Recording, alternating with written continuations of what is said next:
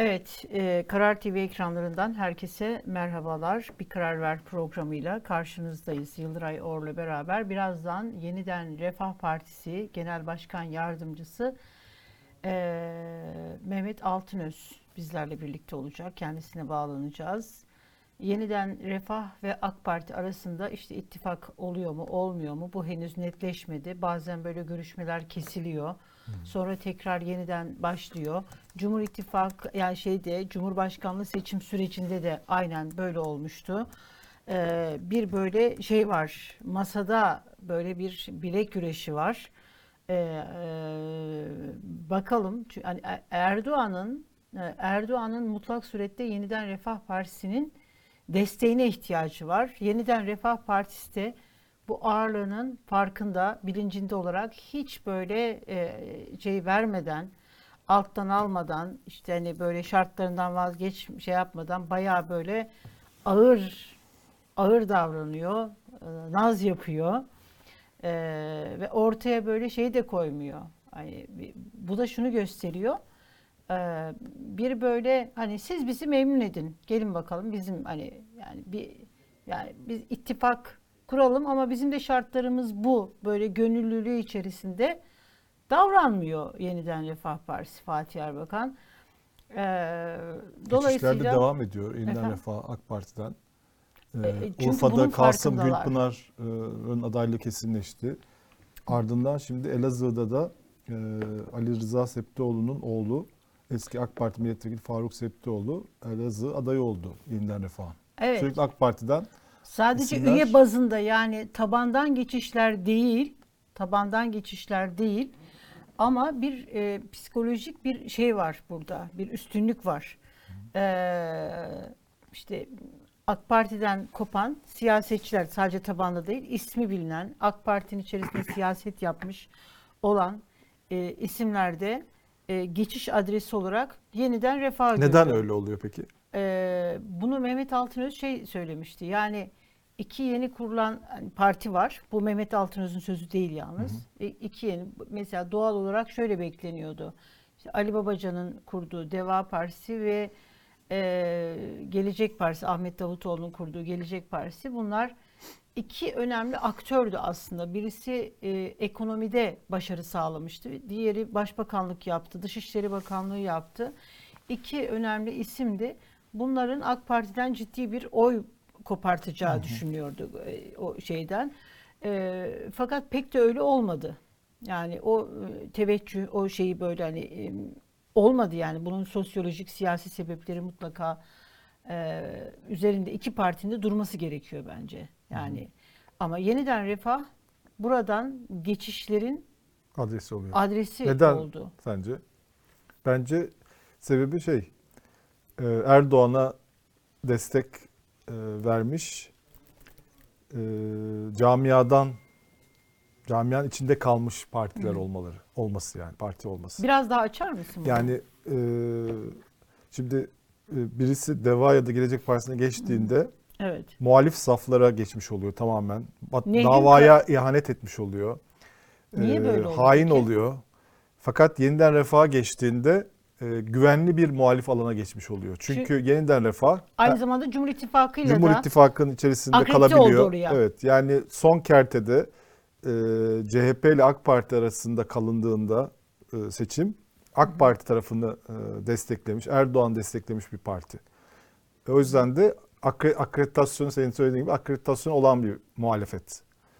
E, o yüzden de insanlar oraya rahat geçebiliyorlar. Çünkü oradan oraya geçtiklerinde tamamen camiadan dışlanmış olmuyorlar. ama bu da Aynı tuhaf şekilde değil mi? seçmenler için de aynı şey geçerli. Tamam. Seçmenler de e, Yeniden Refah Partisi'ne oy verdiklerinde CHP'nin elini güçlendirmiş, muhalefetin işte laik kesimin, işte Atatürkçülerin elini güçlendirmiş olmuyor. Onlar da hala sistem içerisinde İslami şeye ihanet, davaya ihanet etmiş olmuyorlar. Oraya oy verdiklerinde. AK Parti'ye tepkilerini göstermiş oluyorlar ama Helal günün sonunda- kalıyorlar. Büyük Erdoğan dairesi içerisinde kalmaya devam ediyorlar. Bence yeniden refah hani söylemlerini çok şey ben mesela hani biraz arkaik buluyorum hani şeylerini yani dünya görüşünü. Ama e, siyaseten çok başarılı bir proje. Yani hani bir esnaf dükkanı olsaydı, hani birisi esnaflık yapmak isteseydi böyle bir yere dükkan açardı. Ama burada da bir tuhaflık yok mu Yıldıray? Yani İşte siyaset böyle tuhaf bir şey yani. Ya Bizim hayır, tam şöyle. rasyonel şeylerle açıklanmıyor Şimdi insanların ama tavırları. yeniden Refah Partisi'nin de e, bence bu bağlamda handikapları, kendi çelişkileri var. E, şimdi mesela burada iki şey var. Bunu bir e, muhalefet partileri yani ne DEVA ne Gelecek e, bunlar böyle hani çok ciddi anlamda esaslı siyaset yapamadılar. Yani böyle bir varlıklarını gösteremediler. Yani, e, Şöyle şimdi Türkiye'de ya şu anda ülkede yerlilik, millilik, kim hain, kim işte vatansever, kim vatan haini bunların e, belirleyici aktörü e, iktidar partisi ve küçük ortağı. Yani MHP. Onlar diyor ki biz helaliz onlar haram. Biz meşruyuz onlar gayrimeşru. Ve burada da onu o kadar güçlü bir şekilde güçlü bir sesle yapıyor ki şey de yani burada tabii ellerindeki işte FETÖ silahı var. e, PKK terör örgütü işte dış ajanlar filan gelmiş geçmiş bugüne kadar böyle hani bu vatan vatan hainliği argümanını ilk kez kullanan e, bir iktidar partisi AK Parti değil. Yani bu işte siyaset var olduğundan bu yana kullanılan argümanlar ama bunu ne var ne yok torbaya doldurup hepsini böyle işte eline geldiği gibi atarak kullanıyor AK Parti. Buna karşı da siyasi partiler yani iktidar partisinin dışında kalan muhalefet partileri de buna çok güçlü bir şekilde sen ne diyorsun diyerek buna karşı çıkamadılar ve bu duvarı yıkamadılar. Tamam mı? Mahcup davrandılar. İktidar onlara bir e, işte çember çizdi. Onlar da aman işte başımıza bir şey gelmesin. Ülkedeki aday aman işte bize şu söylenmesin. Bunlarla e, böyle. Yeniden Refah Partisi'nin handikapı ise şöyle bir şey. Bugün AK Parti iktidarıyla e, toplumdaki işte sadece ekonomik ve siyasi meseleler mi var? Yani sorun olarak. İşte dindar kadrolardan oluşan bir iktidar partisi var ve bu dindar kadrolardan oluşan iktidar partisi döneminde de e, dini kavramlar da çok hoyratça kullanıldı. Ahlaki yozlaşma, e, işte di- dinde yozlaşma buyur işte kaymakamın bir kaymakam kalkıyor elinde mikrofon kafa göz işte bir cami imamını şey yapabiliyor. Dün Şimdi- Davutoğlu da yayında bunu Dün Karar Ahmet TV yayında bunu eleştirdi. e, Partisi lideri Ahmet Davutoğlu dün Karar TV ekranlarında Yusuf Ziya Cömert ve Ahmet Taşgetiren'in e, sorularını yanıtladı. Bunları da gayet güzel. Şimdi söylemler güzel ama hani bunlar böyle çok güçlü ve şey değil. Hani biraz böyle incitmeyelim tadında yapılan eleştiriler oluyor maalesef. Yani Ahmet Davutoğlu'nda da Ali Babacan'da da maalesef böyle bir sorun var. Şimdi mesela kaymakam tutuyor, kafa göz kırıyor. İşte e, şiddet gösteriyor. E, AK Parti bugün muhalefette olsaydı bu merkezi işte e, hutbe e, şeyine karşı çıkar derdik ya böyle bir şey mi olur? Diyanet özelleşsin. Cami imamları kendi e, hutbelerini kendileri yazsın. Onca yıl ilahiyat okuyorsun. işte hani sen şey yapıyorsun ama kendi kendi özgürce caminde kendi e, vaazını, kendi hutbeni okuyamıyorsun. Yaz, yazamıyorsun. Ya da gelen hutbeyi kendi söylemlerinle özüne sadık kalarak kendi söylemlerini ifade edemiyorsun. Böyle bir devletçilik anlayışı ne zaman var oldu? Bu kadar devletçilik, bu kadar böyle devleti kutsayan bir şey oldu mu? Olmadı. Şimdi bu ahlaki yozlaşmalara karşı çıkması gereken, daha beri tarafta durması gelen gereken yeniden refah da bütün bu yozlaşmaları, bütün bu şeyleri görerek işte hani siyasette var olmak için AK Parti ile ittifak yapabiliyor. Yani siyasi hesap tamam siyaseten doğru ama işin bir de daha ahlaki boyutu, şey boyutu var. Bu da onların ama ortada da tabii ki e, tabanda da bir problem var. Yani dindar mütedeyyin kesimde de. Onlar da şeye bakıyorlar. Helal dairesinde hani e, olan parti neresi? AK Parti. Ya zaten yozlaşmış bir parti. Ahlaki üstünlüğü yitirmiş bir iktidar. Meşruluk şeyini çiziyor. E, ve kim yanındaysa akredite oluyor. Seçmen de ondan rahatsız olduğunda yine o çemberin içerisinde kalarak. Oysa dışındaki bir partiye vermesi gerekir. İşte bilemiyoruz. Olmuyor. Yani böyle bir Demek şey. ki daha büyük e, insanların başka endişeleri var. Yani onun dışına, çemberin dışına çıkmak istememeleriyle ilgili endişeleri var. O endişeleri Evet. giderilmiyor. Evet. Yani bunun için insanları suçlamaya devam edemeyiz bence. Yani onun Suçlama değil biz Hani hani anlamaya çalışmak lazım. Bir noktadan sonra tamam yani söylediklerine haklı şeyler var. Ben ben de katılıyorum bu argümanlara ama e, hep aynı şeyi söylemiş oluyoruz bir noktadan sonra. Değil da aynı şeyi söylüyor. Hayır, o değil. Yıldıray. Her gün aynı şeyleri tamam da söylüyor. bir Milletin şöyle bir şeye dönüşüyor. çakılıyor Yani bunlar. bu eleştirilerde Evet. şöyle bir sorun ortaya çıkıyor. O zaman karşıdaki kitle kitlenin e, kitleyle ilgili böyle bir öfkeye dönüşüyor bu. Yani başka bir şeye dönüşmüyor. Yani o yüzden de daha niye böyle davrandıklarını anlama şeyi var. Çabasına ihtiyaç var. Yani Peki ne görüyorsun böyle gördüğün zaman? bir şey görmüyor. Yani ahlak yani şöyle bir şey değil bu. Hani hak vermek demek değil, anlamak. Türkiye'de bu ikisi birbirine çok karıştırılıyor. Yani bir şeyi anladığın zaman ona hak vermek zorunda değilsin. Yok yok hayır. Ne görüyorsun? Ben a- hak vermek anlamında Böyle bir söylemiyorum. süre daha böyle devam edeceğini görüyorum. Evet. Çünkü e, başka öncelikleri var insanların. E, mesela ne bileyim biz mesela daha demokrasi, insan hakları gibi önceliklerimiz var. Hak, hukuk öncelikler var. Fakat e, insanlar şöyle düşünüyorlar. Ekmek Evet. derdi var. Hem o var hem de e, yani itibar e, rını korumak, e, şeyini korumak ne diyelim yani temel e, güvencelerinden yoksun kalacaklarını düşünüyorlar. E, muhalefet cephesi iktidara gelirse. Yani yani bazı kazanımları gerçekten kaybedebileceklerini düşünüyorlar. Ayrıcalıklarını kaybedeceklerini düşünüyorlar. E, Doğru. dışlanacaklarını düşünüyorlar devletten, kamu kamudan. İmtiyaz kaybı. Yani sadece hem imtiyaz, İmtiyaz hem normal derken bunu eşitlik sadece de. maddi anlamda söylemiyorum. Evet, yani mesela diyelim şu anda mesela Toplumda var olma. şu anda muhafazakar Sokakta bir insan dışlanmadan yürüyebilme, Diyelim ay, ki ötekileştirilmeme. işte mesela diyelim yani Manisa'da yaşayan muhafazakar bir insan düşün. Hani böyle hani dengeli bir yer olsun. Ee, bir sorun olduğunda devlete yakın şeyleri var, temas noktaları var. Değil mi? Yani AK Parti birini arayabilir. Hani işte milli görüşçüdür, onu arar. Evet. Falan yani bir sürü şey olabilir yani hani torpil ihtiyacı olur olur, başka şeye ihtiyacı olur. Olur. Hani Bunların hepsi karşılanıyor. A- Evet ayrıcalıklılık var. Şimdi iktidar CHP ve karşı tarafa geçtiğinde bu sefer diğer kesim bu ayrıcalıklara sahip olacak. Yani Türkiye'de eşit bir sistem, eşit bir sistem kurulmayacak. Yani öyle görünüyor yani biz bunu böyle insanlar hani herkes eşit vatandaş olacak diyor ama bu sefer e, Manisa'daki e, daha CHP'li laik insanlar o ilişkileri kuracaklar. Ne bileyim ihaleler onlar alacak, ayrıcalıklar olacak, torpiller onlar alacak. Diğer taraf bu sefer dışlanacak. Bu kes böyle yani bunu insana hissediyorlar. Yani bu böyle değil dediğimizde bunun karşılığını göremiyor insanlar etraflarında ve şeyde. O yüzden de şöyle düşünüyorlar. Tamam çok kötü bir sürü şey çok kötü oluyor ama en azından hani biz Evet. iktidar tarafında kalalım. Hani muhalefete düşsek iyice her şey kötü olacak. Bunlar da bize nefes aldırmaz diye düşünüyorlar.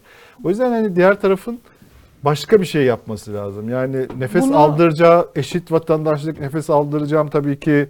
Hani herkes eşit olacak. Hani hep beraber yöneteceğiz. Bunu hissettirmesi lazım. Bunu ben bile doğru düzgün hissetmiyorum. Yani hiç böyle hani biz böyle daha fazla kredimiz var. Hani ne bileyim bizim için mesela Osman Kavala'nın hapiste olması bir dert yani değil mi? Evet. Ama insanlar için dert değil yani umurlarında değil yani kimsenin. Yani bunun için de insanlara niye dert etmiyorsun bunu Evet. diyemezsin. O yüzden de hani bunun anlaşılır bir tarafı var yani. Hani hak vermek için söylemiyorum fakat Yok zaman zaman anlaşıla, anlaşılabiliyor. Tamamen irrasyonel değil, değil. yani. Zaman zaman hepimizin hissettiği duygular. Çünkü hani Kemal Kılıçdaroğlu döneminde, genel başkanlığı döneminde bu biraz yıkılmaya çalışıldı ama Türkiye'de değişim e, bu kadar ko- kolay değil. İki, e, hemen böyle ben değiştim deyince insanlar buna güven duymuyor. Güven yılların çok zor inşa edilen var, bir tabii. şey. Güven zor inşa ediliyor. Yıkıldığı zaman da bir daha geri gelmiyor. Yani bu biraz e, Kemal Kılıçdaroğlu döneminde başarılı yani o dönem CHP'sine başarılmaya çalışıldı. Ama şu andaki mesela Özgür Özel'in böyle e, endişeleri var mı? Böyle dertleri var mı? E, işte aynı şeyde devam ettiriyor mu? Hiç bunları bilmiyoruz. Evet. Bilmiyoruz. Kemal Kılıçdaroğlu çok Evet. çaba sarf etti ama o da yapamadı. yapamadı. Yani Ama zor yani. Olmuyor yani. Evet, Değiş, evet. şey olmuyor. Kolay o, değil. O şeyler çok kolay, kolay yıkılmıyor. Evet. O yüzden Hazır de mı böyle. konuğumuz arkadaşlar? 5 dakika sonra hazır olacak. Tamamdır. Yani e, kolay Evet, inşa Yeniden gerçekten Refah, biraz o yüzden de Yeniden Refah, MHP, hatta BBP bile bazı yerlerde e, bundan istifade edebilirler. Çünkü AK Parti'ye e, tepkili olan, ekonomi yüzünden tepkili olan insanlar var ve e, ya da adaya kızmıştır. Ne bileyim şeydeki gibi mesela Urfa'da adaya istemiyor bir grup insan. O yüzden AK Parti'nin istifa eden, Rena'dan refaha katılan Kasım Gülpınar'ın bir şansı var orada. Evet. Ya da ne bileyim Elazığ'daki adaydan memnun değillerse galiba orada MHP mi kazanmıştı zaten. Ee, şimdi Suat Kılıç orada mesela AK Parti e, uzun yıllar AK Parti neredeyse kuruluşundan bu yana şu anda Suat Kılıç mı? Suat Kılıç da yeniden Refah Hayır, yeniden Partisi'ne- refahta Tabii, diyorsun. tabii, tabii. Elazığ Evet, diyorum. yok, yok, orada hayır. mesela Ali Rıza Septioğlu'nun to- şeyi oğlu e, oradaki AK Partili Kürtlerin oylarını alabilir.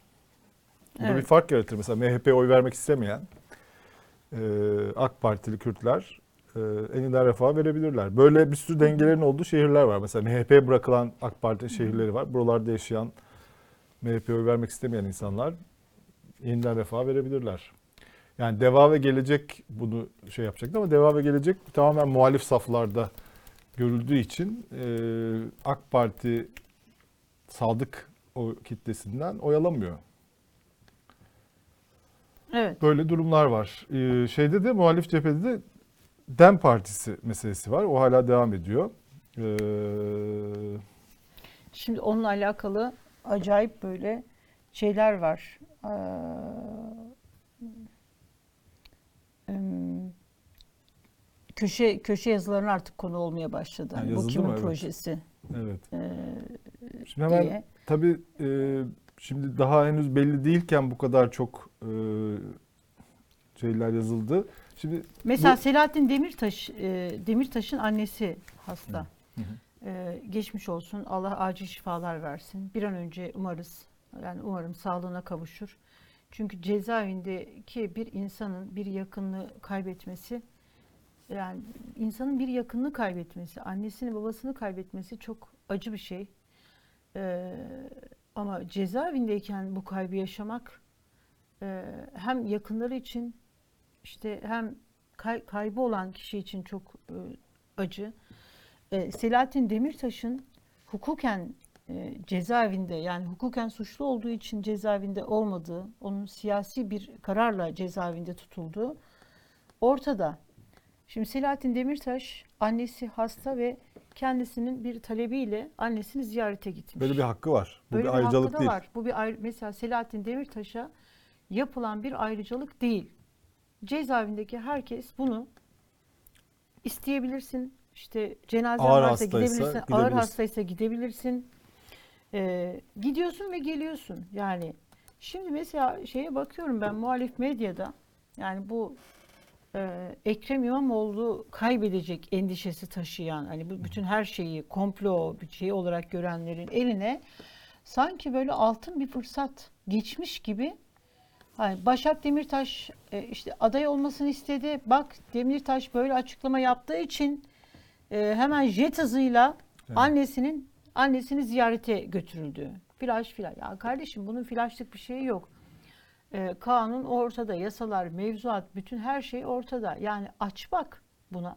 Yani bu haberi hadi halk bu mevzuatı bilmeyen, e, yasayı bilmeyen, kanunu bilmeyen çünkü hani bu tür şeyler de ya insanların hemen hemen herkesin bileceği konular değil. Olur. Ancak sen başına bir şey gelirse Evet. kendinle alakalı vatandaşlık hakkın neler bunları öğrenebiliyorsun. Ama gazeteciler ve köşe yazarları Bunu bir- cehaletten yapmıyorlar. onu. Cehaletten ya- Başka onu tam söylüyorum. tersi olsaydı onu hemen bir hukukçuya danışıp öğrenirlerdi. Evet. Aa öyle değil bu hak derlerdi. Ama şimdi, şimdi- bilinmezlikten geliyorlar. Evet. Ya kardeşim bu yaptığınız gazetecilik değil. Bu yaptığınız habercilik değil, ahlaksızlık. Bir Etik de, değil. yani bir de Selahattin Demirtaş Ahlaki daha değil. 2-3 ay Evet. öncesinde kaç ay oldu seçimin üzerine Mayıs ayında 6 ay önce e, Cumhur İttifakı'nı şey e, Millet İttifakı'nın e, seçimlerdeki en hararetli destekçisiydi Evet. değil mi? Ne çabuk bir Ama anda şey oldu. Sattılar. evet.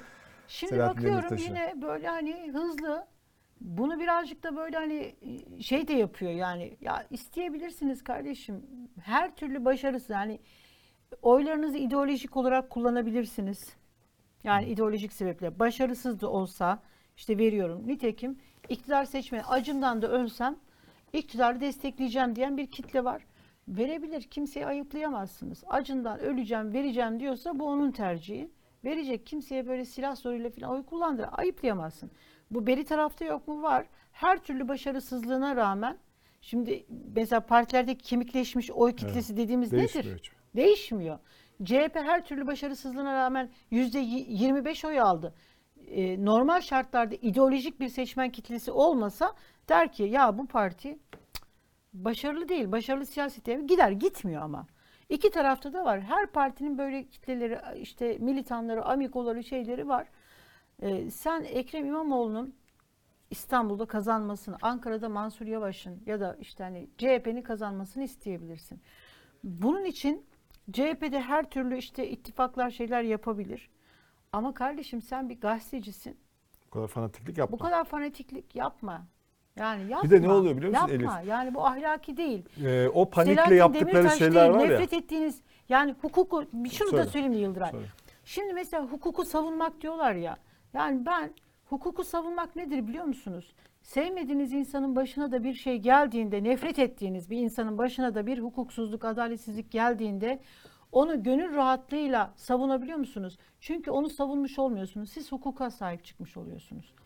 Bugün öyle değil. İşine geldi işte şey işine gelmedi böyle. Böyle olmuyor. Yani Selahattin Demirtaş jet hızıyla geçti.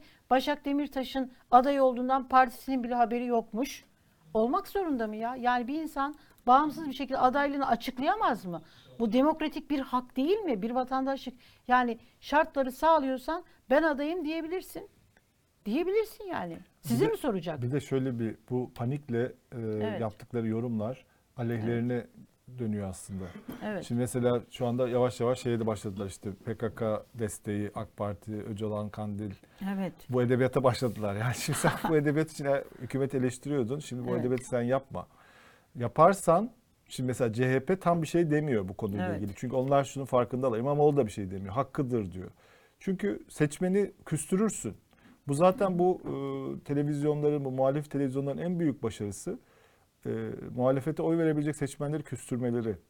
Yani bunu çok iyi başarıyla yapıyorlar. Yani ne kadar çok insanı etkiliyorlar ondan emin değilim ama seçmeni küstürmekte çok mahirler. Şimdi de Kürt seçmeni küstürebilirler. Öyle e, yukarıdan e, tepkiler veriyorlar ki küfür eden falan var yani. Evet.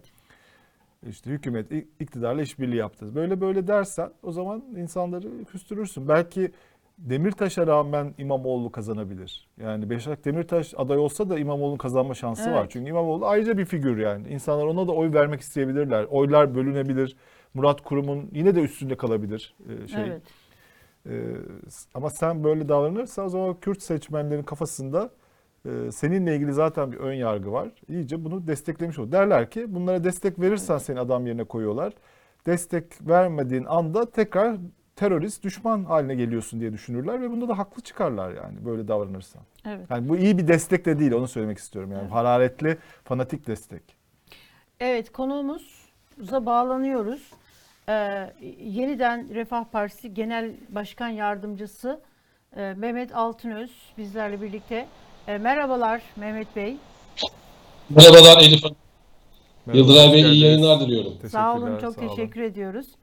Ee, şimdi görüşmeler hala bir muamma. Seçimler artık neredeyse iki ay gibi bir zaman böyle hızla ilerliyor. Ee, 20 Şubat 20, 20 Şubat'ta da artık hani son adaylar e, netleşmiş olacak. Ee, Cumhurbaşkanlığı seçimlerinde de hepimiz böyle yeniden Refah ve AK Parti arasında ne olacak diye bakıyorduk. Şimdi bir kez daha böyle gündemdesiniz. Ee, bir görüşme oldu tekrar görüşmeler kesilmişti. Ee, yeni bir görüşme oldu. Görünen o ki oradan da bir sonuç çıkmadı gibi. Evet. Son durumu sizden öğrenelim. Son durumu sizden öğrenelim. Ama burada birazcık daha durum netleşmiş gibi. Malatya'da kendi adayınıza destek istiyorsunuz. Hani kamuoyuna yansıyan haber, medyaya yansıyan haberleri. Kütahya Evet. Belediye Başkanınıza e, destek istiyorsunuz. İstanbul'da Arnavutköy, Sultan Gazi, Sultanbeyli, Ankara'da Pursaklar e, gibi artık böyle net böyle sizin de masaya e, ortaya koyduğunuz somut şeyler olmaya başladı galiba. Daha böyle hani uzlaşmada mı ya da ittifak görüşmelerinde somut şeyler ortaya çıkmaya başladı gibi. Efendim genel seçimlerle alakalı takdir edersiniz AK Parti yöneticileri Evet. 14 Mayıs seçimleri öncesinde olduğu gibi tekrar bizim kapımızı çaldılar ve bizimle ittifak yapmak istediklerini belirttiler. Biz de onların tekliflerini dinlemek istedik. Fakat ilk yapmış oldukları teklif İstanbul, Ankara, İzmir büyükşehir adaylarının Yeniden Refah Partisi tarafından desteklenmesi, buna karşılık da sadece büyükşehir Evet. belediye meclis üyeliği verilmesi gibi bir teklifle geldiler. Evet. Tabii ki biz bu teklifi kabul etmediğimizi net bir şekilde ifade ettik. Çünkü zaten biz İstanbul, Ankara, İzmir'de büyükşehir belediyelerinde meclis üyeliği alabilecek, çıkartabilecek bir partiyiz. AK Parti yöneticileri bu süreçte bizimle ittifak görüşmeleri yaparken kendileri İstanbul'da, Ankara'da büyükşehir belediye başkanlarını ilan etti. İstanbul'da ilçe belediye başkanlarını da ilan etti. Evet. Açıkçası bizimle ittifak yapmak istiyorsa AK Parti yöneticileri bizimle gerçekten de ittifak ruhuna uygun görüşme süreci yürütmeleri gerekiyor. Nedir mesela bu ittifak ruhu? İttifak ruhu şudur. Siz e, eğer bir ortaklık yapacaksanız Evet. ortaklıkta oturulur. Her iki tarafında şartlarına uygun bir şekilde bir plan program yapılır. Bu plan program dahilinde bazı yerler netleşir, bazı büyük şehirler netleşir, bazı iller netleşir. Yani efendim e, işte biz size bunu verelim, siz de buna uyun. Böyle bir şey mümkün değil. E, Biz Yeniden Refah Partisi olarak güçlü ve teşkilatlı bir partiyiz. Kaldı ki biz AK Parti'ye gitmiyoruz. AK Parti bize geliyor. AK Parti bize geliyorsa bizim kabul edebileceğimiz öneriler ortaya koymalı. Yani e, bizim teşkilatımızın, bizim genel merkezimizin kabul edeceği önerilerle gelmeli ki biz de bunları evet bu sizin getirmiş olduğunuz teklif makuldür, mantıklıdır diye kendi teşkilatımızla paylaşalım. Kendi teşkilatımızın da olurunu almak suretiyle seçim satımı halinde rahat bir çalışma yürütelim. Ama sizin ne iste yani sizin kabul edebileceğiniz önerilerle gelmeleri için e, sizin de onlara ne istediğinizi söylemeniz gerekmiyor mu? Yani biraz tüyo, ne istiyorsunuz, somut bir şey. Nereden bilecekler ne istediğinizi? Çünkü diyorsunuz ki bir teklifle geliyorlar. Hayır biz hani somut bir bir şey söylemedik. Onları dinliyoruz sadece. Ya Elif el- Hanım teklif onlardan geliyor. Yani biz onlara gidip de biz buraları buraları istiyoruz, bize şunları şunları verin demeyiz. Öncelikle teklifi onlar getirecekler. Biz gitmiyoruz ki onlar bize geliyorlar. Ya bizim AK Parti'ye ihtiyacımız yok çok net söylüyorum. Biz Yeniden Refah Partisi olarak kendimiz her yerde adayımızı çıkartıp seçimlere gideceğiz zaten. Yani efendim İstanbul, Ankara, İzmir'de bizi destekleyin. Sadece meclis üyeliği vermekle biz sizi desteklemeyiz. Çok net. Bu kadar. Yani e, burada bizim onlardan biz şunu şunu istiyoruz gibi bir şey söylememize gerek yok ki. Öncelikle teklifi onlar getirecekler. Onların ilk getirmiş oldukları teklife biz hayır dedik mesela. Ha, ikincisinde onlara bizim önerilerimiz oldu. Dedik ki bakın siz bir kere bize ittifak yapalım diyorsunuz. E, adaylarınızı açıklıyorsunuz. Belki sizin açıkladığınız adayları biz kabul etmeyeceğiz. E, siz bize sormuyorsunuz adayınızı açıklarken. E, sormuyorsanız siz bilirsiniz. O zaman siz kendi yolunuza gidin. Madem siz buraları kazanıyorsunuz, bize ihtiyacınız yok. Bize ihtiyacınız yoksa bizimle niye görüşüyorsunuz? Ya bizim tavrımız çok net. Bakın yani biz böyle e, acaba şudur, acaba budur gibi bir yaklaşımla siyaset yapan bir parti değiliz. Bizim zaten ittifaka hiçbir zaman ihtiyacımız olmadı. 14 Mayıs seçimlerinde de öyle. 14 Mayıs seçimlerinde de AK Parti yöneticileri bize geldi, teklifte bulundu. Yani biz orada da bu ülkenin saadet ve selameti için 30 madde şartımızı ortaya koyduk. 30 madde şartımızı ilk etapta imzalamayacaklarını ifade ettikleri zaman biz adaylığımızı ilan ettik. Ama son gün olan Cuma günü Sayın Cumhurbaşkanı tamam ben bu 30 maddeyi imzalarım deyince biz daha önce vermiş olduğumuz sözü yerine getirmek suretiyle Cumhur İttifakı'nda yer aldık. Yani biz onlardan efendim bize şu ili verin, burada bu büyük şehri verin, e, efendim işte şurada İstanbul'da şu ilçeyi verin, Ankara'da bu ilçeyi verin gibi bir pazarlık yapmadık. Yapmayız da zaten. Dediğim gibi teklifi onlar getirecekler. Şimdi siz, ben ticaret yapıyorum, ben iş adamıyım Elif Hanım. Evet. Siz bana diyorsunuz ki ben seninle ortak olmak istiyorum. Tamam gel. Ben zaten ticaretimi yapıyorum. Ben zaten piyasada e, itibarlı bir şirketin sahibiyim.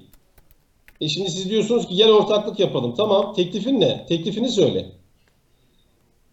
Konu budur. Yani ticaretle siyaseti e, birbirine eş tutmuyoruz tabii ki. Sonuçta biz burada öncelikle 85 milyonun saadet ve selameti için çalışıyoruz.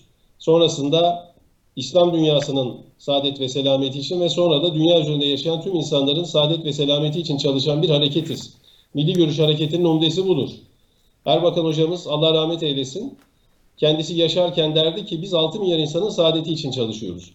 Yani sonuç itibariyle teklifi açık net bir şekilde AK Partili arkadaşlarımız getirecekler. Bizi ikna edecekler. Bizi ikna etmezlerse bizim zaten ittifaka girmek gibi bir rüyamız yok. Yani akşamları rüyamızda aa işte biz de keşke AK Partili ittifaka girsek gibi bir dünyamız yok yani. Peki e, Mehmet Bey, yani İstanbul'da e, sizin söylediklerinizden e, İstanbul'da açıklanan adayla ilgili sizle herhangi bir konuşma olmadığını e, anlıyoruz. O zaman İstanbul'da siz e, AK Parti adayına destek vermeyecek misiniz? Yani evet AK Parti yöneticileri İstanbul'da, Ankara'da açıklamış oldukları adaylarla alakalı bizimle istişare etmediler. E, bizimle istişare etmiyorlarsa, bize sormuyorlarsa, bizimle de ittifak yapmak istiyorlarsa e, kusura bakmasınlar. Böyle ittifak olmaz. Aday Ya mı biz bunu onlara da çıkaracaksınız? söylüyoruz zaten. Siz de aday mı çıkaracaksınız o zaman? E, İstanbul'da, tabii çıkartırız. Bizim zaten adaylarımız hazır. Hazır. Biz zaten e, yani herhalde bir haftaya kadar e, adaylarımızı ilan edip yola çıkarız diye düşünüyoruz. Ama bekliyorsunuz galiba değil mi? Evet. Yine de e, bir bir görüşmelerden bir sonuç çıkmasını bekliyorsunuz. Çünkü şu ana kadar açıklamadınız. Bakın biz ittifak görüşmelerine başladığımız için ittifak görüşmeleri bitene kadar adaylarımızı İstanbul, Ankara, İzmir'de açıklamayız. Ama ittifak olmadığı zaman tüh vah e şimdi biz ne yapacağız noktasında değiliz. Onu anlatmak istiyorum. Anladım. Ama AK Biz Parti zaten güçlü bir partiyiz. Yani biz ittifak olmazsa İstanbul, Ankara, İzmir özellikle de İstanbul için. Yani bakın şimdi biz zaten Türkiye'nin hemen hemen birçok yerinde adaylarımızı ilan ettik. E, bu zaten kamuoyuna da yansıdı. Evet. E, bizim sadece İstanbul, Ankara, İzmir büyükşehir çerçevesinde bir ittifak görüşmesi yürütülüyor şu anda. Yani bu üç büyük şehirde siz bizim büyükşehir adaylarımızı destekleyin talebi var. Biz de diyoruz ki tamam biz sizin bu üç şehirde İstanbul, Ankara, İzmir'de Büyükşehir Belediye Başkan adaylarınızı desteklediğimiz takdirde siz bize ne öneriyorsunuz? Bunu söyleyin. Ya ortada somut bir şey yok. Zaten bu noktada biz onlara söylüyoruz. Eğer siz bize somut bir şey yani bizim kabul edebileceğimiz bir teklif getireceksiniz. Öyle bir teklif getireceksiniz ki Aa, tamam ya bu olur bak makul bir şey getirmişsiniz diyeceğiz. Şöyle bir durum da var. Ee, Yıldıray Bey, Elif Hanım. Biz İstanbul'da Büyükşehir'de aday çıkartmadığımız takdirde alacağımız oyun %20'sini AK Parti'ye vermiş oluyoruz. Yani Yeniden Refah Partisi ilk girdiği Evet. yerel seçimlerde İstanbul'da yani esas e, Türkiye'deki seçmenin en fazla olduğu şehir olan İstanbul'da alacağımız oyun, toplamda alacağımız oyun %20'sini AK Parti'ye vermiş oluyoruz. İki, Ankara. Ankara'da da yaklaşık %10 gibi bir seçmen var. Evet. İzmir, İzmir'de yaklaşık %5. Yani toplamda %30 ila %35'lik bir seçmen kitlesinin oyunu alacağımız yerde biliyoruz biz bunu AK Parti'nin hanesine yazdırıyoruz. E, Elbette bizim de bunun karşılığında AK Parti'nin bize getirmiş olduğu teklifin bizim tarafımızdan kabul edilebilir olmasını önemsiyoruz. Peki Ya şimdi bir şey kus- söylediniz. Kimse kusura bakmasın. Yani ben oraya o %30 gibi bir oyumu vereceğim. E ondan sonra e, siz bizi destekleyin, biz size meclis üyesi verin. Böyle şey mi olur? Bunu Ee, kabul etmemiz mümkün değil. Çok net. Peki şimdi anlamak için soruyorum. Dediniz ki e, e, hem ittifak yapmak istiyorlar. Bizim ittifaka ihtiyacımız yok. Ama bir ittifak ruhu var. Buna da uygun davranmadılar. Yani e, adaylarını açıklarken e, bize sormadılar. Biz bu adayı destekleyebilir miyiz, desteklemez miyiz, istiyor muyuz, iste- istemiyor muyuz? Yani adayın belirlenmesinde de siz bir e, e, aktör olmak istediniz. Yani sizin de kabul edebileceğiniz bir aday. Peki şimdi adaylar açıklandı. Mesela Murat Kurum e, sizin kendi tabanınız açısından tabanınıza kabul ettirebileceğiniz e, bir isim mi? Çünkü açıklandı ve AK Parti buradan geriye dönmeyecek. Yani Murat Kurum ismi açıklandı. Evet. Ankara'da da aday açıklandı. İzmir'de de adayını açıkladı. Ee, siz bu durum siz ise hani hem diyorsunuz ki ittifak istemiyoruz, bizim ihtiyacımız yok. Ee, karşı taraf ittifak ruhuna uygun davranmadı, adayını açıkladı ama siz hala adaylarınızı açıklamıyorsunuz. Biraz önce Yıldıray da bunu sordu, söyledi. Ee, açıklamıyorsunuz. Demek ki aslında bir taraftan da ittifakın içinde olmayı da istiyorsunuz gibi kamuoyunda bir algı da oluşuyor. Yani isteklerimiz olsun ama ittifaka açığız gibi bir tablo da ortaya çıkmıyor mu? Efendim şöyle söyleyeyim bakın. Öncelikle Evet. ittifakın olmasını evet e, tabanımız istiyor. Evet. Yani bizim seçmenimiz ve AK Parti seçmeni Evet. İttifakın olmasını isteyen bir taban. Evet. Biz tabanımızın e, sözlerine kulak vererek bu süreçleri yürütüyoruz. Bizim esas e, şu anda yapmış olduğumuz görüşmelerin ana sebebi budur. Evet. Yoksa bizim aday problemimiz yok ki. Türkiye'de şu anda bizim, bakın şu anda genel merkezimizden ben bu programa bağlanıyorum. Genel merkezimize insanlar içeriye giremiyorlar. Yani şu anda inanılmaz bir teveccüh var. E, partimiz şu anda Türkiye'nin en kalabalık genel merkez binası durumunda. E, partinin e, şu anda yükselişini gören, e, yerel seçimlerden de en çok belediye kazanan parti olarak çıkacağımızı gören adaylarımız, aday adaylarımız, telefonlarımız kilitleniyor. Dün gece ben iki buçukta ancak dinlenebildim ve sabah namazı itibariyle de yine telefonlarımız ve mesajlarımız gelmeye başladı. Yani e, çok aktif bir parti olduğumuz, e, öncelikle de heyecanlı bir parti olduğumuz kamuoyu tarafından zaten bilinmekte. Kimler e, daha çok Tabanın geliyor? AK Parti'den olan şu, tabanın sesine kulak vermek. Yani tabandaki insanlar e, AK Parti seçmeniyle Yeniden Refah Partisi seçmeninin e, ittifak yapılmasının daha faydalı olacağını söylemesinden yola çıkarak bu görüşmeleri yapıyoruz. Yoksa bizim AK Parti'ye gerçekten ihtiyacımız yok. Bunu çok net ifade ediyoruz. Ama AK Parti yöneticilerinin de tabii bu konuda tarzını tavrını değiştirmesi lazım. Ha, olmazsa da hayırlısı olsun deriz. E, herkes kendi yoluna deriz. Biz de e, kendi adaylarımızı çıkartırız. E, şimdi e, ilginç sizin söylediğiniz hani ilgi yoğunluğunun aslında somut birkaç örneği de va- var. Birisi e, Şanlıurfa'da e, AK Parti eski milletvekili hatta MYK, MKYK üyesi Kasım Gülpınar Evet. e, AK Parti istifa etti ve yeniden refahın adayı oldu. Elazığ'da da Ali Rıza Septioğlu'nun oğlu AK Parti eski milletvekili e, Faruk Septioğlu. Faruk Septioğlu Elazığ adayınız oldu. Böyle AK Parti'den başka isimler de var mı? Bursa'da AK Parti'de iki dönem il başkanlığı yapmış Sedat Yalçın Bey. Yine Bursa'dan bizim Büyükşehir Belediye Başkan adayımız. Ee, AK Parti'den gelip de bizimle şu anda siyaset yapan ve bizim adayımız olan arkadaşlarımız var. Evet. E, bu e, bu teveccühü siz nasıl açıklıyorsunuz? Yani AK Partililer neden e, başka partileri değil de yeniden refahı tercih ediyorlar? Biz mesela şöyle bir analiz yaptık aramızda. Siz katılır mısınız? Hani e, Cumhur İttifakı içerisinde de e, Cumhurbaşkanı seçiminde yer aldığı ve e, şeyi yer- desteklediği için Erdoğan'ı yeniden refah e, gidilebilecek bir parti olarak görülüyor AK Yani Partiler helal için. dairesi helal içerisinde. dairesi içerisinde. Siz nasıl değerlendiriyorsunuz? Evet, e, yani e, şöyle söyleyeyim, e, helal dairesi konusu önemli bir konu. Yani helal dairesi tabii Yeniden Refah Partisi'nde. Biz mesela şu anda yapmış olduğumuz e, seçim kampanyasındaki e, ana mottomuz ahlaklı belediyecilik. Ahlak olursa rüşvet olmaz. Ahlak olursa yolsuzluk olmaz. Ahlak olursa hırsızlık olmaz. Ahlak olursa hizmet olur. Halka hizmet hakka hizmettir.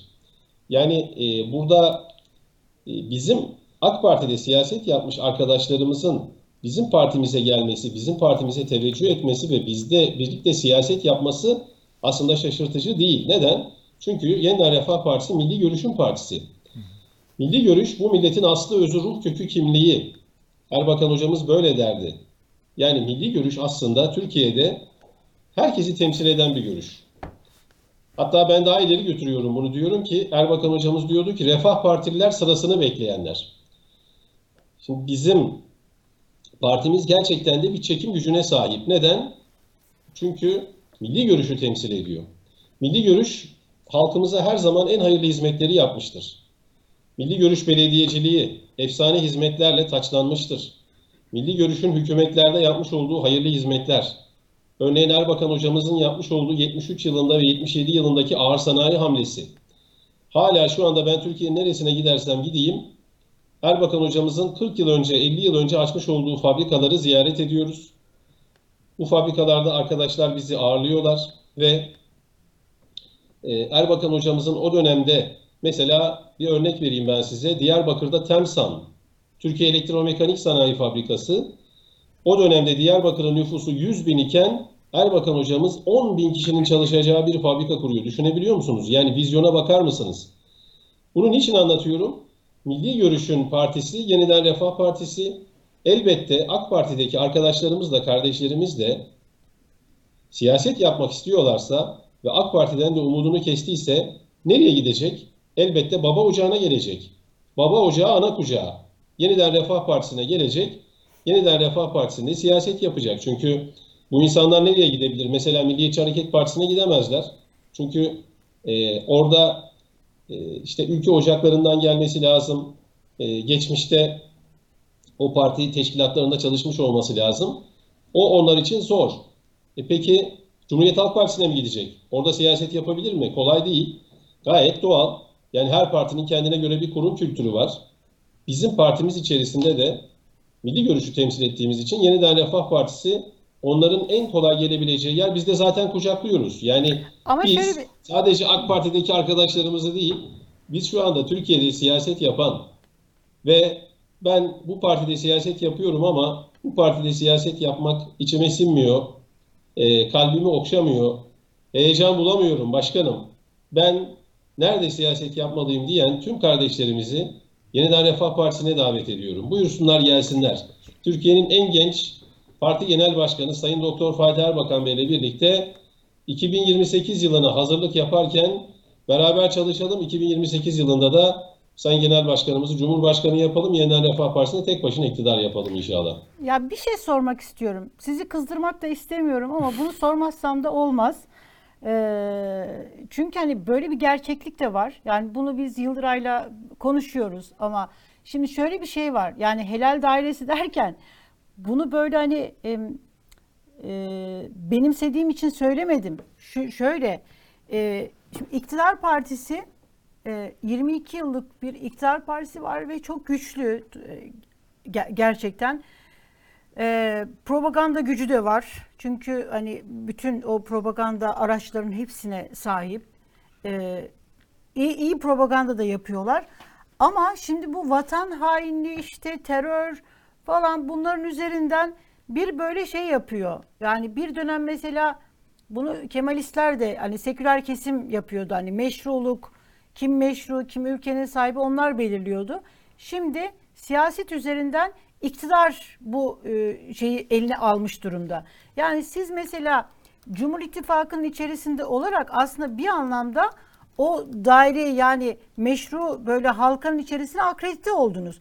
Akredite olmamış olsaydınız yine AK Parti'nin içerisinden oylar gelir miydi size? Gelirdi tabii. AK Partili Bunu yani e, helal dairesi o? derken söylemeye çalıştığım şey bu. Mesela hani e, çünkü diyor ki Cumhur İttifakı'nın içindeyseniz millisiniz, yerlisiniz. Değilseniz gayrimillisiniz. İktidarın böyle bir söylemi var. Bunu mesela hani e, e, siz e, akredite olduğunuz için yerli ve milli oldunuz. Eğer akredite e, ittifak yapmasaydınız siz de yerli ve milli olmayan e, o şey nehrin öteki tarafında olmuş olacaktınız. Biraz hani Elif sormak Hanım, Elif Hanım, Buyurun. yerli ve milli kavramını ilk paylaşan biziz zaten. Ama şu an AK Parti Yani- kullanıyor bunu.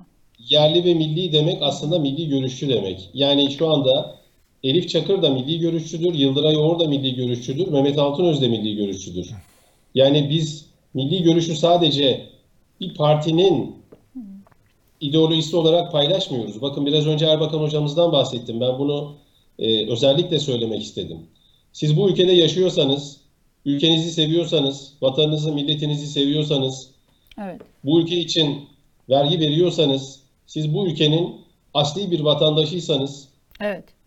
dünyanın birçok yerini gezip dolaştığınız zaman, dönüp geldiğiniz zaman, benim ülkem dünyanın en güzel ülkesi, benim vatanım dünyanın en güzel vatanı diyorsanız ve e, ülkenizi sevdiğiniz için de ülkenizin insanların en hayırlı bir şekilde, en konforlu bir şekilde saadet ve selamet için- için çalışıyorsanız siz milli görüşçüsünüz. Siz de şu anda iki gazeteci olarak bu programı yaparken de bir hizmet veriyorsunuz. Bu bir amme hizmetidir. Yani vatandaşa haber veriyorsunuz. Vatandaşın haber alma özgürlüğünü ona yaşatıyorsunuz. Yani e, bunu şunun için söylüyorum. Bu ülkede yaşayan herkes 85 milyon milli görüşçüdür. Ben bunu inanarak söylüyorum. Diğer partilerde siyaset yapan insanlar da milli görüşçüdür ama kendisi milli görüşçü olduğunu ifade etmiyor. Aradaki fark bu.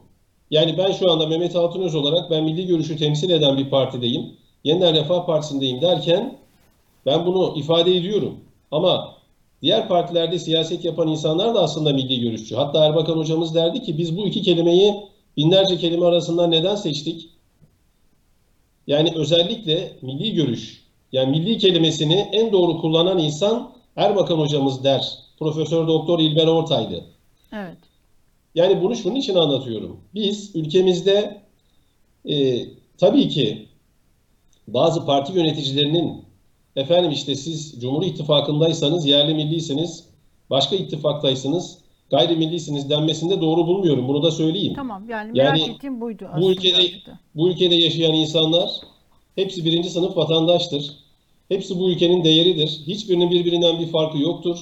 Makamları, mevkileri, paraları e, kesinlikle birbirlerinden ayırt edici bir özellik değildir.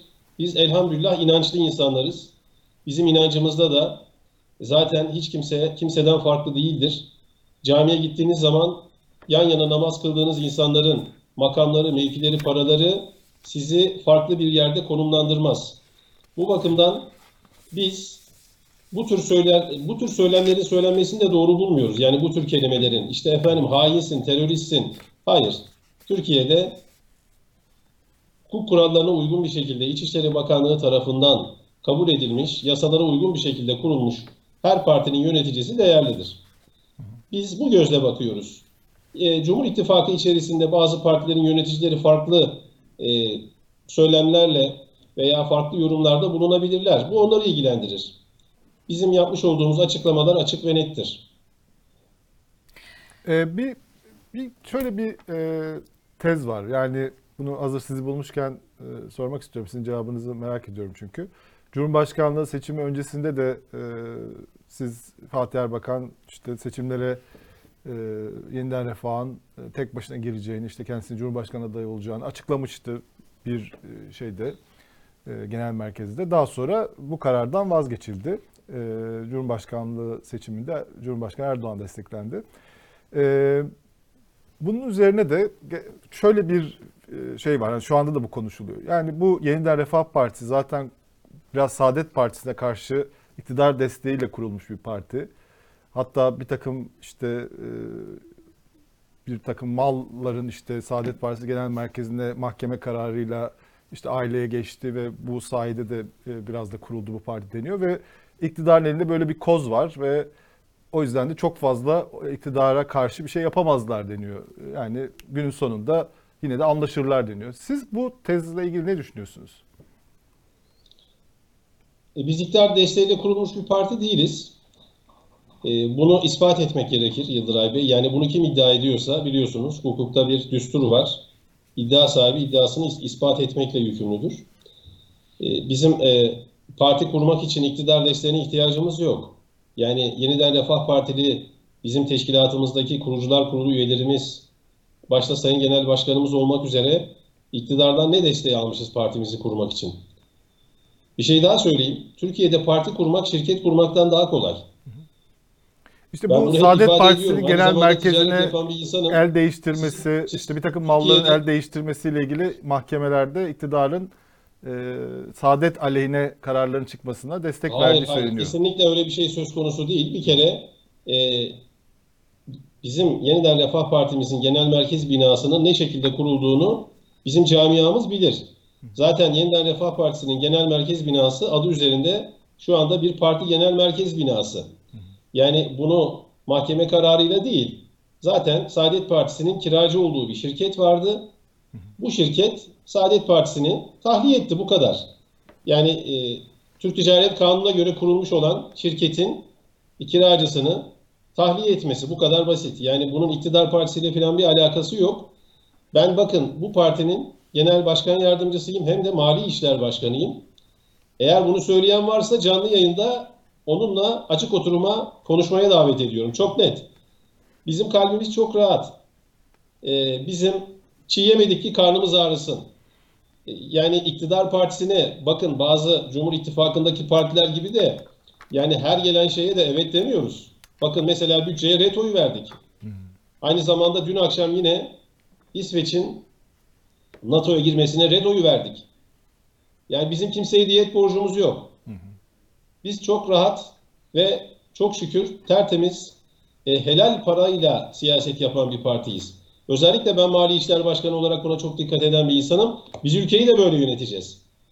Biz inşallah bakın göreceksiniz yerel yönetimlerde Türkiye'de en çok belediye kazanan parti olacağız. Bunun altını çiziyorum. İnşallah yerel seçimlerden sonra tekrar bir program yaparız. Türkiye'de en çok belediye kazanan parti Yeniden Refah Partisi olacak. Sandıklardan patlama yaparak çıkacağız. 31 Mart akşamı Türkiye'de sürpriz parti olarak Yeniden Refah Partisi'ni göreceksiniz. Çünkü geçmişte biz çok hayırlı hizmetler yaptık. Vatandaşımız bunu biliyor. O hizmetlere hasret kalmış. Şehirlerde hizmete gerçekten de vatandaş hasret kalmış. Bakın Türkiye'yi çok gezip dolaşan bir kardeşinizim.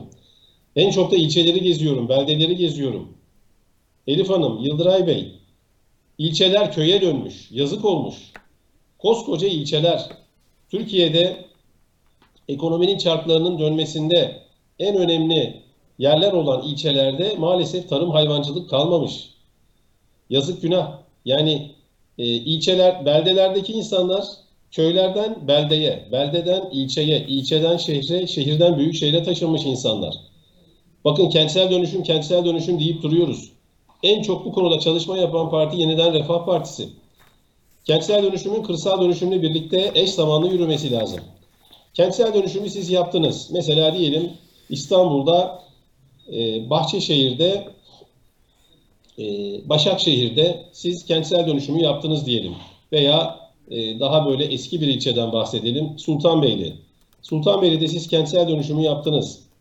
E, bu insanlar hala orada yaşamaya devam ediyorlarsa değişen bir şey yok. Siz sadece binaları yıkıp yeni binalar yapıyorsunuz. Depreme dayanıklı binalar yapıyorsunuz. Ama bu insanların aynı zamanda memleketlerine dönebilmelerini sağlamamız lazım. Bakın AK Parti'nin yapmış olduğu en büyük yanlışlardan bir tanesi hatta Sayın Cumhurbaşkanı biliyorsunuz belediye başkanı iken İstanbul'a vizeyle girilmesi gerekiyor derken aa bir de baktık ki AK Parti yöneticileri İstanbul'u en çok büyüten e, parti oldular. Yani İstanbul'un bu kadar büyütülmesi çok yanlış. Biz bir kere Marmara'da büyük bir deprem bekliyoruz. 99 depreminden sonra mesela AK Parti iktidara geldi de ne yaptı mesela? Bunu bizim konuşmamız lazım. İktidar Partisi 22 yıldır iktidarda. E bakın e, 6 Şubat'ta işte e, yaklaşık bir hafta 10 gün sonra birinci seneyi devriyesi olacak. Ben özellikle deprem bölgesini çok geziyorum. Oradaki 10 tane şehrimizin hali hala perişan. Evet. Mesela en son Kahramanmaraş'a gittim. Ya ortada şehir diye bir şey kalmamış. Ya aradan bir yıl geçmiş. Hala yıkılması gereken binalar var. Hala orta hasarlı binalar var. Bunu şunun için anlatıyorum. Türkiye bir deprem memleketi. Bizim bunu hepimizin bilmesi lazım. Yeniden Refah Partisi olarak biz bunu çok önemsiyoruz. Bizim Yeniden Refah Partisi'ni kurduğumuz an itibariyle ilk çıkartmış olduğumuz kitap rantsal dönüşüm değil, kentsel dönüşüm kitabı. Evet. Türkiye'nin de- değişmeyen gerçeği deprem. Kitabın adı bu. Bu kitapta biz Türkiye'nin 81 ilini masaya yatırdık. Ve uzmanlarla, jeoloji mühendisleriyle, e, profesörlerle, inşaat mühendisleriyle, mimarlarla, kentsel tasarım e, uzmanlarıyla birlikte biz 81 ilimizi tekrar şekillendirmek için bir çalışma başlattık. Yani büyük şehirleri bizim İç Anadolu'ya taşımamız lazım. İç Anadolu'da deprem riski çok az. Aynı zamanda kentsel dönüşümden kırsal dönüşüme yani insanların köylere dönmesini de sağlayabilmemiz lazım. Yani insanlar artık köyde yaşamalı ama AK Parti'nin en büyük hatalarından bir tanesini daha söylüyorum. Köylerdeki okulları kapattılar. Köylerdeki okulların kapatılması akıl alır gibi değil. Bizim köylerdeki okullarımızın geçmişteki köy enstitüleri prensibiyle yaşar hale getirmemiz lazım. Yani siz çekiç tutmayı da öğretmelisiniz öğrenciye. Keser tutmayı da öğretmelisiniz. Tornavidayla ampulü değiştirmeyi de öğretmelisiniz öğrenciye. Bizim bu köy enstitüleri konusunu tekrar gündeme getirmemiz lazım. O dönemde çok hayırlı hizmetler yapılmış. Yani insanlar köyde yaşarken aynı zamanda şehirle de irtibat kurmak suretiyle aynı zamanda internet dünyasında köyde ürettiği herhangi bir şeyi dünyanın her yerine satabilme kabiliyetine sahip. Yani dünya küçüldü. Küçülen dünyanın şartlarına uygun bir şekilde bizim büyük şehirlerimizi Anadolu'ya doğru taşımamız lazım. Aynı zamanda şehirlerden de köylere insanların taşınmasını, köylerde yaşayabilmesini sağlamamız lazım. Ee, Mehmet Bey siz böyle belediye başkanı adayı gibi konuştunuz. Siz eğer e, ittifak olmazsa İstanbul'da aday olacağını söylüyordu. Bu doğru mu? Böyle olabilir mi? En güçlü isim olarak e, duruyorsunuz. Yeniden Refah Partisi'nin İstanbul adayı. Evet, ben aynı zamanda İstanbul İl Sorumlusuyum. Marmara Bölge Başkanıyım. Genel merkezimiz adına ben e, zamanımın yani haftanın e, en az 3-4 gününü İstanbul'da geçiren bir e, parti temsilcisiyim. Bu bakımdan teşkilatımızın da bize bir teveccühü var. Ama elbette çok kuvvetli adaylarımız var.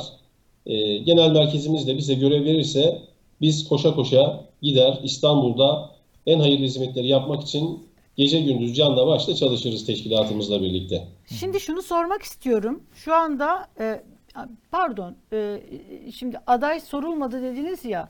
Mesela AK Parti size İstanbul'da kimi aday gösterelim deseydi gönlünüzde yatan bir aslan bir şey var mıydı? İsim var mıydı? Hani şu isim olsun. Çünkü hani Erdoğan'ın önündeki önünde işte isimler Fahrettin Koca vardı, Ali Yerlikaya vardı, Tevfik Göksu ismi vardı ki Tevfik Göksu milli bu hani isimler arasında e, milli görüş geleneğinden gelen e, dindar mütedeyyin kesimde ciddi karşılığı da olan bir isim.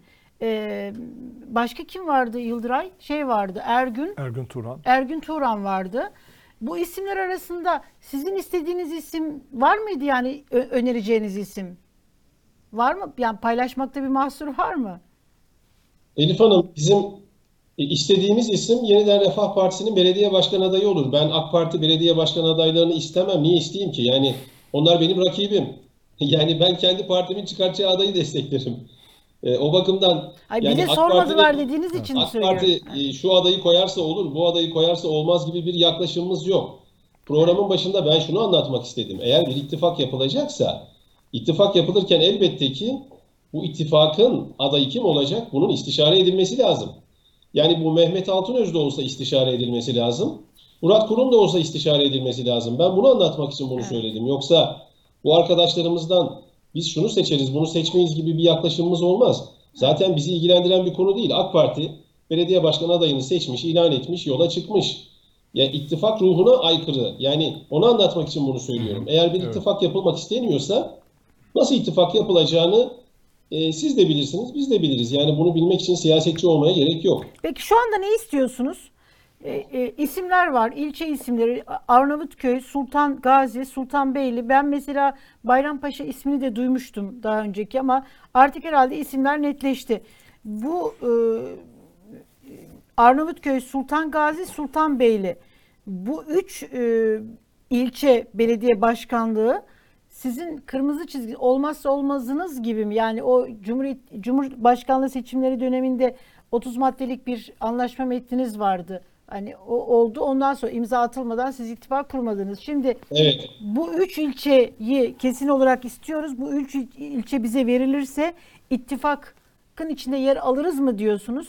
Ne istiyorsunuz tam olarak?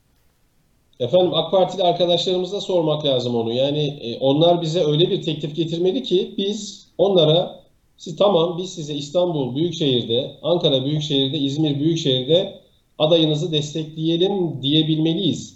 Yani bizim biraz önce sizin bu söylemiş olduğunuz ilçelerle alakalı, illerle alakalı bunlar olursa olur, olmazsa olmaz gibi bir yaklaşımımız yok. Ama bizim kendimizin öncelikle kabul edebileceği ve teşkilatımıza kabul ettirebileceğimiz bir teklifle gelmeliler. Dediğim gibi ha olmadığı takdirde de biz e, gerek AK Parti seçmenine gerek de kendi seçmenimize deriz ki görüyorsunuz biz elimizden geleni yaptık. Ama arkadaşlarımız görünen o ki sadece bizden destek istiyorlar ama onun haricinde başka bir teklif getirmiyorlar. Hayırlısı olsun deyip yolumuza çıkarız, devam ederiz. Evet. Peki e, şu anda siz anketlerde nasıl görünüyorsunuz? E, siz herhalde anketler yaptırıyorsunuz. Nerelerde iddialısınız? Daha iddialı olduğunuz yer mesela Urfa, Elazığ'da iddialı görünüyor adaylar. Urfa, Elazığ, Malatya, Yozgat, Bingöl, Şırnak, Hakkari, Oralarda nasıl adaylar var? E, Şırnak, Kuvvetli, kuvvetli adaylarımız var. Trabzon aynı şekilde, Samsun, Bursa, e, Manisa'da birçok ilçede etkiliyiz. Manisa'da Büyükşehir'de yine e, doçent doktor hanımefendi başkanımız aday. Aynı zamanda Karaman'da yine etkiliyiz. Orada da yine bir e, e, kadın adayımız var. E, etkili olduğumuz iller var. Yani Anadolu'da e, hemen hemen birçok ilde çok ciddi bir etkimiz var. Bunu söyleyebilirim. Evet. Yani e, liste olarak tek tek saymayayım. Düzce'de mesela Davut Güloğlu Bey adayımız. Evet. Geçen bir programda ben e, en iddialı olduğunuz 5 ilden bahseder misiniz deyince ben 5 ili tek tek saydım. Fakat e, daha program bitmeden telefonumuza mesaj ve telefon yağmaya başladı. Başkanım bizim ilimizi niye söylemiyorsunuz? Başkanım bizim ilçemizi niye söylemiyorsunuz diye. O yüzden biraz temkinli davranıyorum. Evet, şimdi Karaman deyince e, o da çok konuşuldu. E, O da çok ilginç bir şey oldu. E, İşte Yeniden Refah daha ne diyelim daha İslamcı bir parti olarak görünüyor. Karaman'da ise işte başı açık bir kadın aday. AK Parti'de de daha önce adaylık yapmış. Orada da esnaflık yapıyormuş. Orada da bilinen bir isim. E, aday gösterdiniz. E, Fatih Erbakan da onunla beraber e, işte milli görüş selamı verdi ve bu böyle hem bir takım kesimlerden de tepki aldı ama ilginç bir durumdu bu. Yani bir, bu, bu, nasıl mümkün olabiliyor? Biraz da hani yeniden refahla ilgili böyle şeyler de var, e, ön yargılar da var. Biraz bunu anlatmak ister misiniz? Yani aslında anlatılacak bir şey yok. Yani bizim partimizde başı açık veya başı kapalı gibi bir ayrım söz konusu olamaz. Ee, başı açık insanlar bizim ailemizde de var. Yani biz başı kapalı olacak, başı açık olduğu zaman biz aday yapmayız gibi bir yaklaşımımız yok. Yani biz Yeniden Refah Partisi'yiz, 85 milyonun partisiyiz derken biz bunu e, bir propaganda olsun diye söylemiyoruz Yıldıray Bey. Bizim partimizde e, şu anda hem genel merkezimizde hem il teşkilatlarımızda e, insanlar kendi kıyafetlerini elbette özgürce seçip bizim partimizde çalışabilirler. Bu gayet doğal. Biz insanları kıyafetleriyle değerlendirmiyoruz. Bizim zaten çıkış noktamız bu. İnsanlar istediği kıyafeti giyebilirler. Evet. Şimdi bir izleyicimiz şeyi soruyor. Diyor ki e, şu e, e, genel seçimlerde 30 maddelik mutabakat metni imzalatmıştınız. Onun akıbeti ne oldu e, diye soruyor. E, bir izleyicimiz. İzleyicimizin sorusuna teşekkür ederim. 30 madde ile alakalı maalesef AK Partili arkadaşlarımız, kardeşlerimiz herhangi bir tasarrufta bulunmadılar. Bu 30 madde aslında Türkiye'nin bir reçetesi. Yani bir hastanız var, iyi bir doktora gidiyorsunuz, bir reçete yazıyor. O reçeteyi uyguladığınız zaman şifa buluyorsunuz. Biz de Milli Görüş Partisi'ni temsilen e, Milli Görüş Hareketi olarak Türkiye'de geçmişte yapmış olduğumuz hayırlı hizmetleri bildiğimiz için Türkiye'yi yönetmek ne demek? Devleti yönetmek kimin işi? Bizim işimiz. Yani devleti yönetmek aslında milli görüşün işi. Geçmişte milli görüş devleti en güzel şekilde yönetmiş. Kaynakları doğru kullanmış, havuz sistemi kurmuş. Kaynakların hepsini havuz sistemi içerisinde kullanmak suretiyle vatandaşın cebine vermiş, dağıtmış. Mesela biz AK Parti yöneticilerine havuz sistemini kurun dedik. Havuz sistemini kurmadılar. Ne yaptılar? 2024 bütçesinde tam 41,5 milyar dolar parayı borç faizine verecekler. Şimdi ben AK Parti zaten AK Parti yöneticilerinin ekonomi anlayışını anlayamadım. Bir de ekonomistiz diyorlar ama Allah'tan ekonomistler yani. Ekonomist oldukları halde böyle bir de ekonomist olmasalar ne yapacaklar? Ben hakikaten e, düşünmek bile istemiyorum. Örneğin 2024 bütçesinde borç faizine ayrılan para 41,5 milyar dolar. 41,5 milyar dolar ne demek Elif Hanım? Atanamayan 150 bin öğretmeni atayacaksınız ve onlara 20 yıl maaş vereceksiniz demek. 20 yıl. 20 yıl. Evet. Yani bir e, kiloya koyalım tartalım 41,5 milyar doların ne olduğunu şu anda bizi izleyenlere anlatmak için bunu söylüyorum. Öğretmen sorunu çözülüyor diyorsunuz 20 yıl boyunca. Evet. Evet yani aslında para var. Şimdi AK Parti yöneticileri e, borç faizine para vermeyi çok seviyorlar. Yani bu dış güçlere, e, bu Siyonizmin finans sistemine para vermeyi çok seviyorlar. Ama vatandaşa gelince de diyor ki maalesef diyor bütçede para yok. Ama şöyle Ya bir sen- şey olabilir belki. Önemli olan para almamak. Yani para vermekte bir beis olmayabilir. Hayır para da almayacaksın, vermeyeceksin de. Zaten borç alıyorsun. Borç aldığın için borç faizi ödüyorsun. Şimdi zaten bizim bu 30 maddemizde biz bunları paylaştık. Dedik ki bakın ayağımızı yorganımıza göre uzatacağız. Borç almayacağız. Biz niye borç alıyoruz? Bizim borç almamıza gerek yok ki. Bak bizim madenlerimiz var. Bizim genç nüfusumuz var.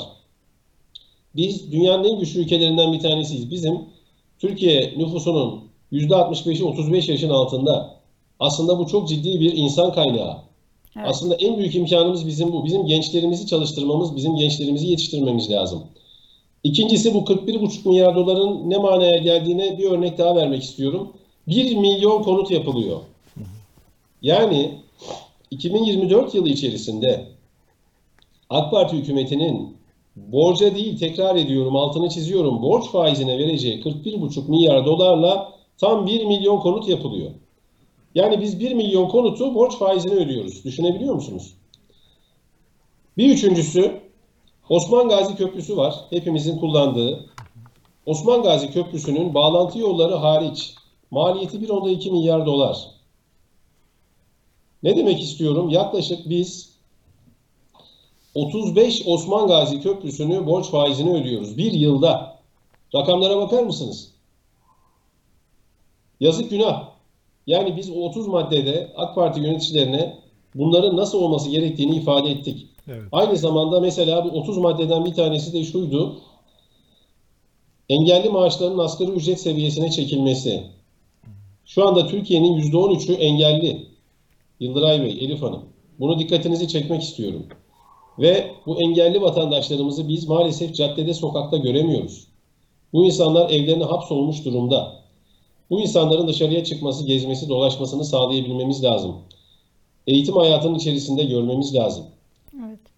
Ee, Asgari ücret seviyesine çekilmeli ki bu insanların maaşları, bu insanlar da toplumda e, birlikte yaşamalı.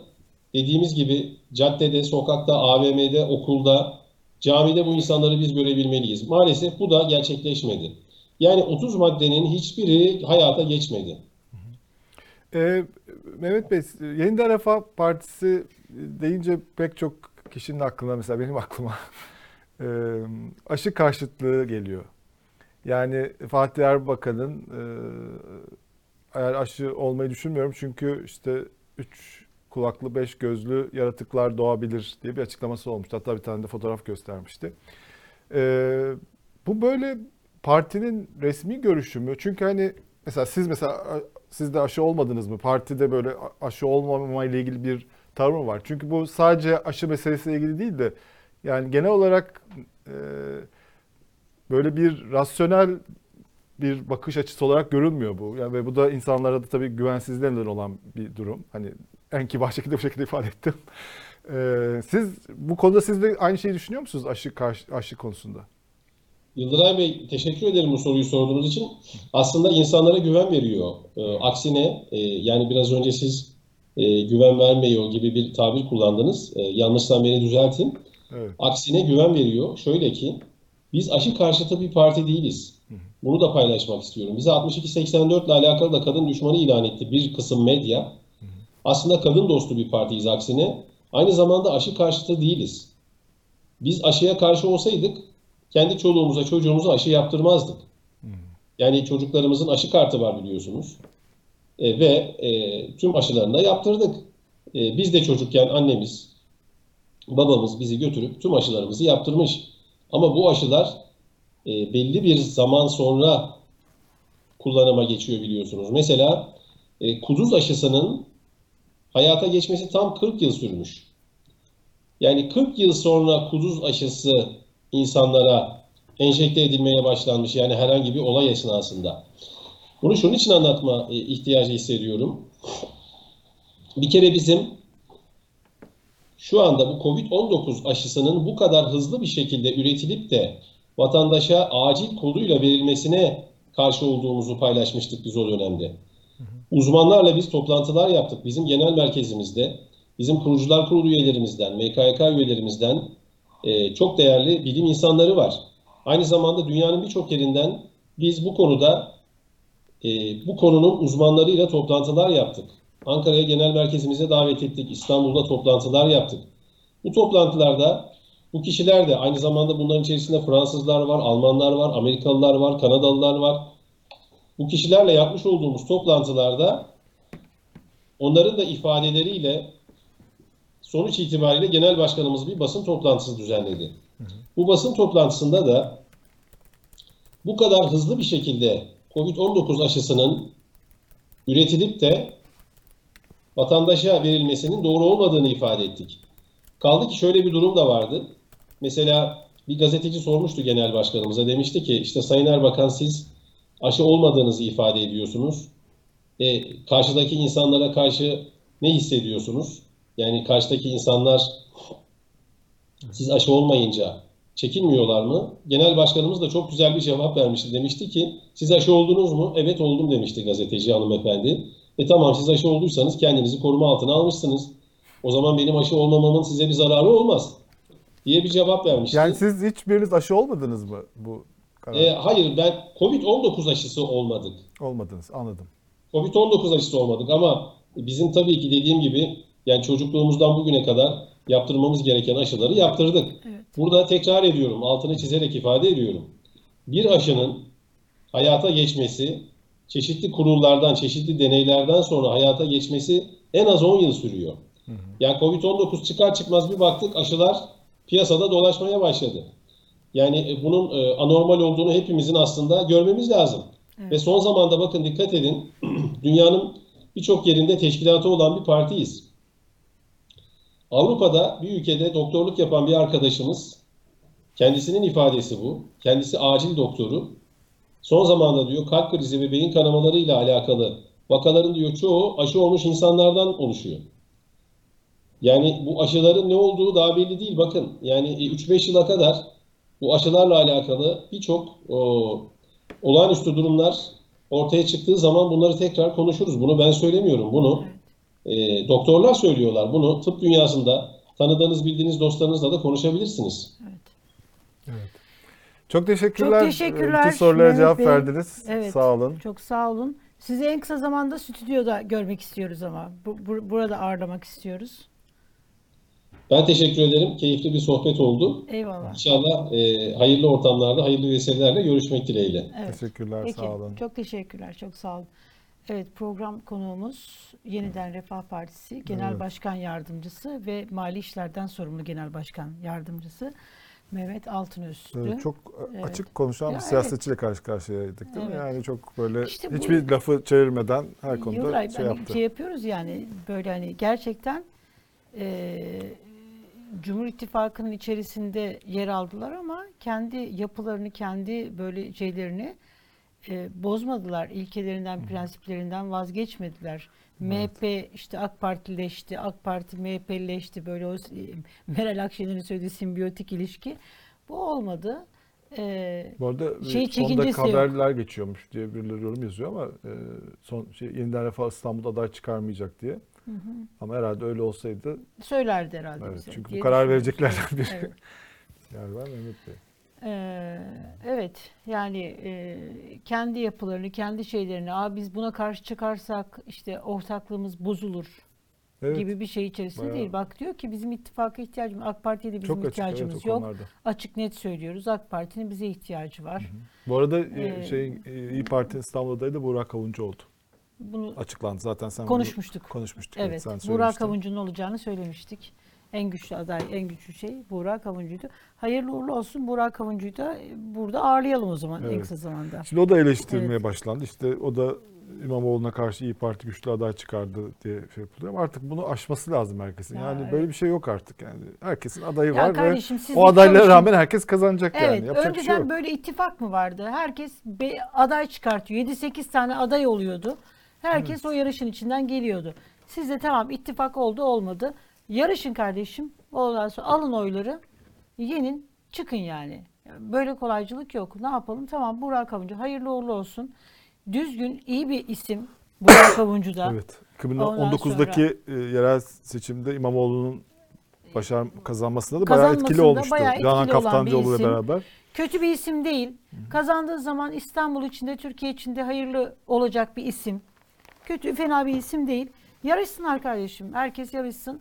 Ee, ondan sonra bi- bizim için de seçenek. Tamam ittifak olsa işte şey olsa güzel olur muydu? Olur. Ama bu böyle hani muhalif duygularla şey yapıyorsun. Diyorsun ki hani, hani burada bu olsun filan. Ama olmuyorsa da olmuyordur. 2000 Şimdi 1994'te kim e? Erdoğan nasıl kazanmıştı? %25 miydi? %34. Yok, Yok, yirmi- %34 değil. değildi, pardon, 1994 %34 %25 civarıydı. Şeyde 2002 seçimleriydi. Ee, arkasından gelen e, Zülfü Livaneli'ydi galiba ya da yok İlhan Kesici, İlhan Kesici. yüzde o da 23'lerdeydi. Zülfü Evet. Livaneli yüzde 20'lerdeydi. Evet. Bedrettin Dalan yüzde 19'lardaydı. Evet. Böyle oluyor biliyor yani. Tabii Vallahi ben- Cumhur İttifakı diye bir şey var. Evet. AK Parti ve MHP ittifak yaptı ama yani o onun yaratacağı etki sonuçta belediye seçimlerinde o kadar olmayabilir. Cumhurbaşkanı Ben valla değil. bu a- adaylar içerisinden bakacağım. Kendi oy kriterimi söylüyorum. Bakacağım. Çünkü gerçekten bir deprem şeyi var. İstanbul'un önünde e, ciddi olarak belediyenin etkin bir şekilde yani belediyenin etkisinin olabileceği yani merkezi Ankara iktidar halledeceği değil. Bakıyorum bir be- belediye başkanı neler yapabilir? Kentsel dönüşüm konusunda bana ne sunuyor? Buna bakacağım. Ee, ve benim yani bu korkumu ye- ye- şey yapacak İstanbul'a gerçekten böyle metropol kent yapma kültür anlamında, sanat anlamında neler yapacak? Ee, vaatlerine bakacağım. Sadece vaatlerine de değil çünkü vaatlerde boş vaatler oluyor. Ee, bunu gerçekleştirebilme potansiyeline sözünde durur mu? Yapar mı? Verdiği yani va- vaat ettiği şeyleri yapabilme gücüne şeyine sahip mi? Bunların içerisinden en iyisi bana hangisi geliyorsa ben oyumu ona vereceğim. Bu kadar basit yani. Bunu Buğra Avuncu yapıyorsa Buğra Avuncu, Ekrem İmamoğlu yapıyorsa o, Murat Kurum e, yapıyorsa Murat Kurum konusunda gerçekten böyle hani bir e, özgür iradesiyle belediye başkanlığı yapabilecek mi? Ekstra onunla alakalı bu, bu tür şeyleri de düşüneceğim. Ve buradan kendi kararım. Deva Partisi adayı çıkartacak mı? Çıkarttığı zaman kendime yakın göreceğim bir isim mi olur? Gelecek Partisi adayı çıkartacak mı? Ne yapacak?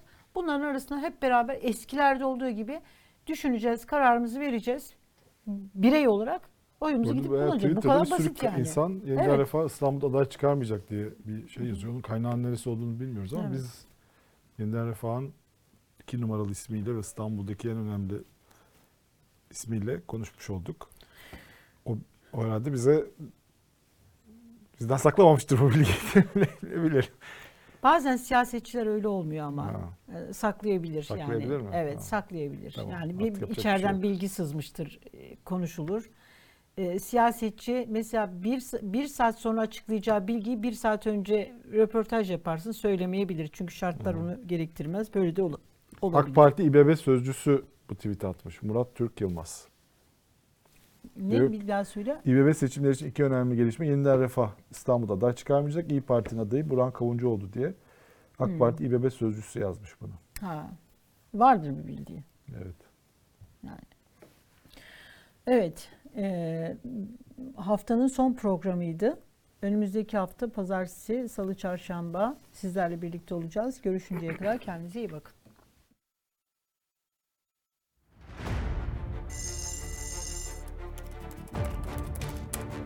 Bir hoşuma gitti. O Yıldıray Ordu diyebilir miyim?